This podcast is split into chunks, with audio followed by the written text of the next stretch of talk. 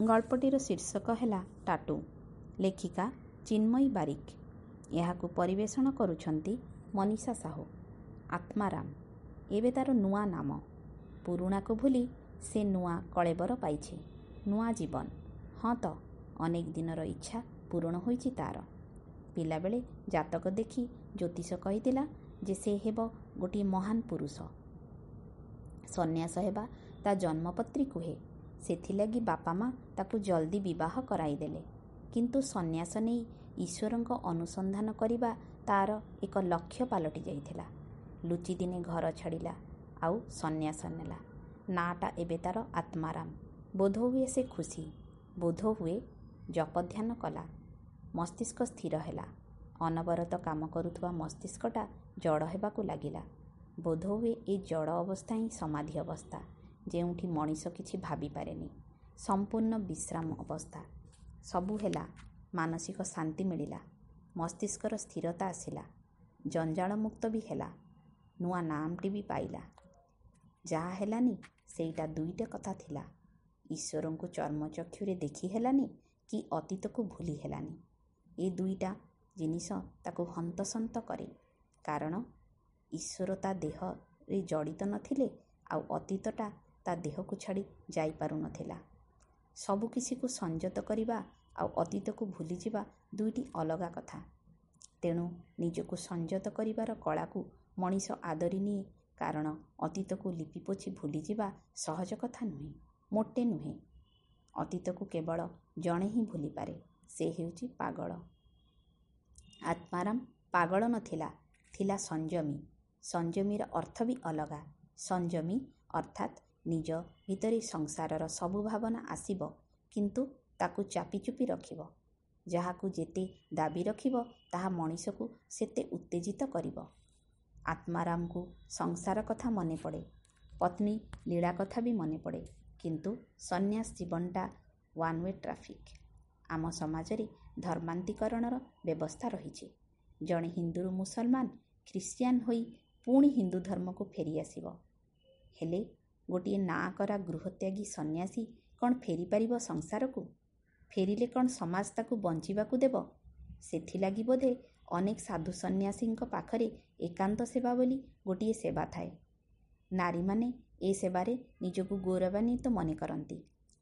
ସେଦିନ ଆତ୍ମାରାମର ଆଶ୍ରମରେ ଅତିଥି ହୋଇ ଆସିଥିଲେ ଜଣେ ସମ୍ଭ୍ରାନ୍ତ ଦମ୍ପତି ସାଙ୍ଗରେ ପନ୍ଦର ବର୍ଷର ଝିଅଟିଏ। ସେମାନଙ୍କର ରହିବାର ବ୍ୟବସ୍ଥା କରାଗଲା। ସେମାନେ ବିଶ୍ରାମ ନେଲେ। ସବୁଦିନ ପରି ସେଦିନ ରାତି ଦୁଇଟାରେ ଆତ୍ମାରାମ ଉଠିଲା ଧ୍ୟାନ କରିବାକୁ। ବାହାରକୁ ଆସିଲା ନିତ୍ୟକର୍ମ କରିବାକୁ। କିନ୍ତୁ ଏ କ'ଣ?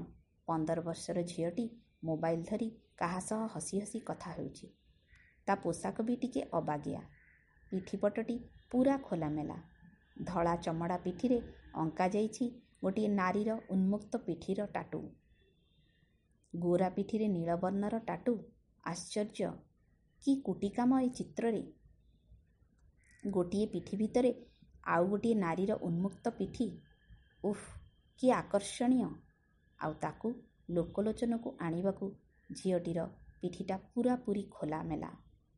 ସୌନ୍ଦର୍ଯ୍ୟରେ ସୌନ୍ଦର୍ଯ୍ୟ ଯେମିତି କେହି ବୋଳି ଦେଇଛି। ଆତ୍ମାରାମ ଆଖିରେ ଦେଖାଯାଏ ସ୍ତ୍ରୀ ଲୀଳାର ଦେହ। ଝିଅଟିର ସାମ୍ନା ପଟରେ ପୋଷାକ ଆଚ୍ଛାଦିତ ଥିଲେ ମଧ୍ୟ ଆତ୍ମାରାମ ଦେଖିପାରେ ଏକ ବିବସ୍ତ୍ର ଦେହ। ଦେଖିପାରେ ଏକ ନଗ୍ନ ଭୂଗୋଳ। କାରଣ ଏକଦା ସେ ବି କେବେ ଏକ ସାଂସାରୀ ଥିଲା। ବାହାରେ ଉଷୁମଳିଆ ଶୀତ ଆଗରେ ଝିଅଟିର ଖିଲିଖିଲି ହସ। ପିଠି ଭିତରେ ଆଉ ଗୋଟିଏ ନୀଳପିଠିର ଟାଟୁ। ଦେହରେ ଯୌବନ। ପାକଳ ହୋଇନଥିବା ଅସଂଯମୀ ଗୋଟେ ମନ। ଆଉ ଗୋଟିଏ ନିରୋଳା ମୁହୂର୍ତ୍ତ। ଏତିକି କ'ଣ ଯଥେଷ୍ଟ ନଥିଲା? ଝିଅଟିର ବି କୋମଳ ଭରା ଯୌବନ ବୟସ। ଫୋନରେ କିଛି ଉତ୍ତେଦିକ କଥା ଆଉ ଆଗରେ ଜଣେ ସୁନ୍ଦର ପୁରୁଷ ଶୀତ ରାତି ଏହା ବି କ'ଣ ଯଥେଷ୍ଟ ନଥିଲା? କାମନା ତ ମସ୍ତିଷ୍କରେ ହିଁ ସୃଷ୍ଟି ହୁଏ ଆଉ ନିଷିଦ୍ଧ ଅଙ୍ଗକୁ ଗତି କରେ। ସବୁବେଳେ କିଛି ଗୋଟେ ହେବାକୁ କ'ଣ ଗୋଟିଏ ଯୁକ୍ତିଯୁକ୍ତ କାରଣର ଆବଶ୍ୟକତା ଥାଏ? ଅବେଳରେ ବି ମେଘ ହୁଏ ହଠାତ୍ ସୁନାମି ବି ଆସେ। ଏମିତି ବହୁତ କିଛି ଆସେ କିଛି ଧ୍ୱଂସ କରିବାକୁ। କାରଣ କିଛି ନଥାଏ କିଛି ବି ନୁହେଁ। କିଛି ଗୋଟେ ଘଟିଗଲା ଦୁଇ ଜଣଙ୍କର ସହମତିରେ। ସବୁ ଅକାରଣ ସତ୍ତ୍ୱେ ବି। ସକାଳ ବେଳକୁ ସବୁ ହୋ ହାଲ୍ଲା ପୋଲିସ ଘେରରେ ଆଶ୍ରମ। ଆତ୍ମାରାମ ଭାବୁଥିଲା ସବୁ ଅକାରଣର ଅନୁଭବଟି କେମିତି ପ୍ରମାଣ କରିବ କିଛି କାରଣ ଦେଇ। ଆଉ ଝିଅଟିଏ ହୋ ହାଲ୍ଲା ଦେଖି ଆତଙ୍କିତ। ତାର ଯେ ଏ କଥାରେ ସହମତି ଦେଲା ଏ କଥା ବୁଝେ କିଏ? ଗୋଟିଏ ନାବାଳିକାର କିଛି ସହମତି ନଥାଏ। ତା ସହ ଯାହା ହୁଏ ତାହା ଖାଲି ଅସହମତିରେ ହୁଏ ବୋଲି ସମାଜ ଯାହା ବୁଝେ। ଝିଅଟିର ବୟସ ଆଗରେ ତାର ସବୁ ଇଚ୍ଛାକୁ ଗୌଣ ଧରାଯାଏ। ସେ କେବଳ ରେପ୍ ହୋଇଛି ବୋଲି ସମାଜ ବୁଝେ। ସବୁ ଛିଚାକର କରୁଥିଲେ। ଗୋଟିଏ ସଂଯମୀ ସନ୍ନ୍ୟାସୀ ଏମିତି କରିବା ଲଜ୍ଜାଜନକ। ସମାଜ ଲାଗି କଳଙ୍କ ଛି ଛି। ଆତ୍ମାରାମ ଠିକ୍ ଜାଣିଛି। ଏଇ କେତେ ଦିନର ସନ୍ନ୍ୟାସ ଜୀବନ ଭିତରେ ସେ ନିଜକୁ ସଂଯମ କରିବାର ଦୁର୍ବାର ଇଚ୍ଛା ହିଁ ମଣିଷକୁ ସମୟ ସୁବିଧା ଦେଖି ଅସଂଯମୀ କରି ପକାଏ। ଆଗ୍ନେୟଗିରିକୁ ଚାପି ରଖିଲେ ତାହା ଦିନେ ବିସ୍ଫୋରଣ ହେବ ହିଁ ହେବ। ଖାଲି ଗୋଟିଏ ଦୁର୍ବଳ ସୁଯୋଗର ଅପେକ୍ଷା ଥାଏ। ଆଉ ଗୋଟିଏ ଖୋଲାମେଲା ପିଠି ପିଠିରେ ନୀଳ ରଙ୍ଗର ଟାଟୁ ହିଁ ତାକୁ ବିସ୍ଫୋରଣ କରାଇଦେଲା ହଁ ଛୋଟ ଦିଆସିଲଟେ ବି ତ ଗୋଟିଏ ପ୍ରାସାଦ ଜଳାଇ ଦେଇପାରେ ଗୌତମ ବୁଦ୍ଧ ସମସ୍ତେ ହୋଇପାରନ୍ତିନି।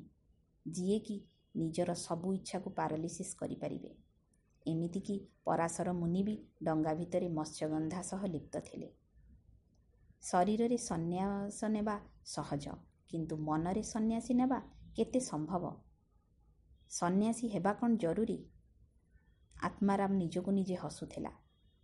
ତା ଜାତକ ପତ୍ରିକା ଠିକ୍ କହିଥିଲା ସେ ସନ୍ନ୍ୟାସ ହେବ।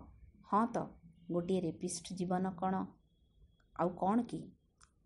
ଭାବୁଥିଲା ଆତ୍ମାରାମ ହାତରେ ହାତକଡ଼ି ଲାଗିଲା ବେଳେ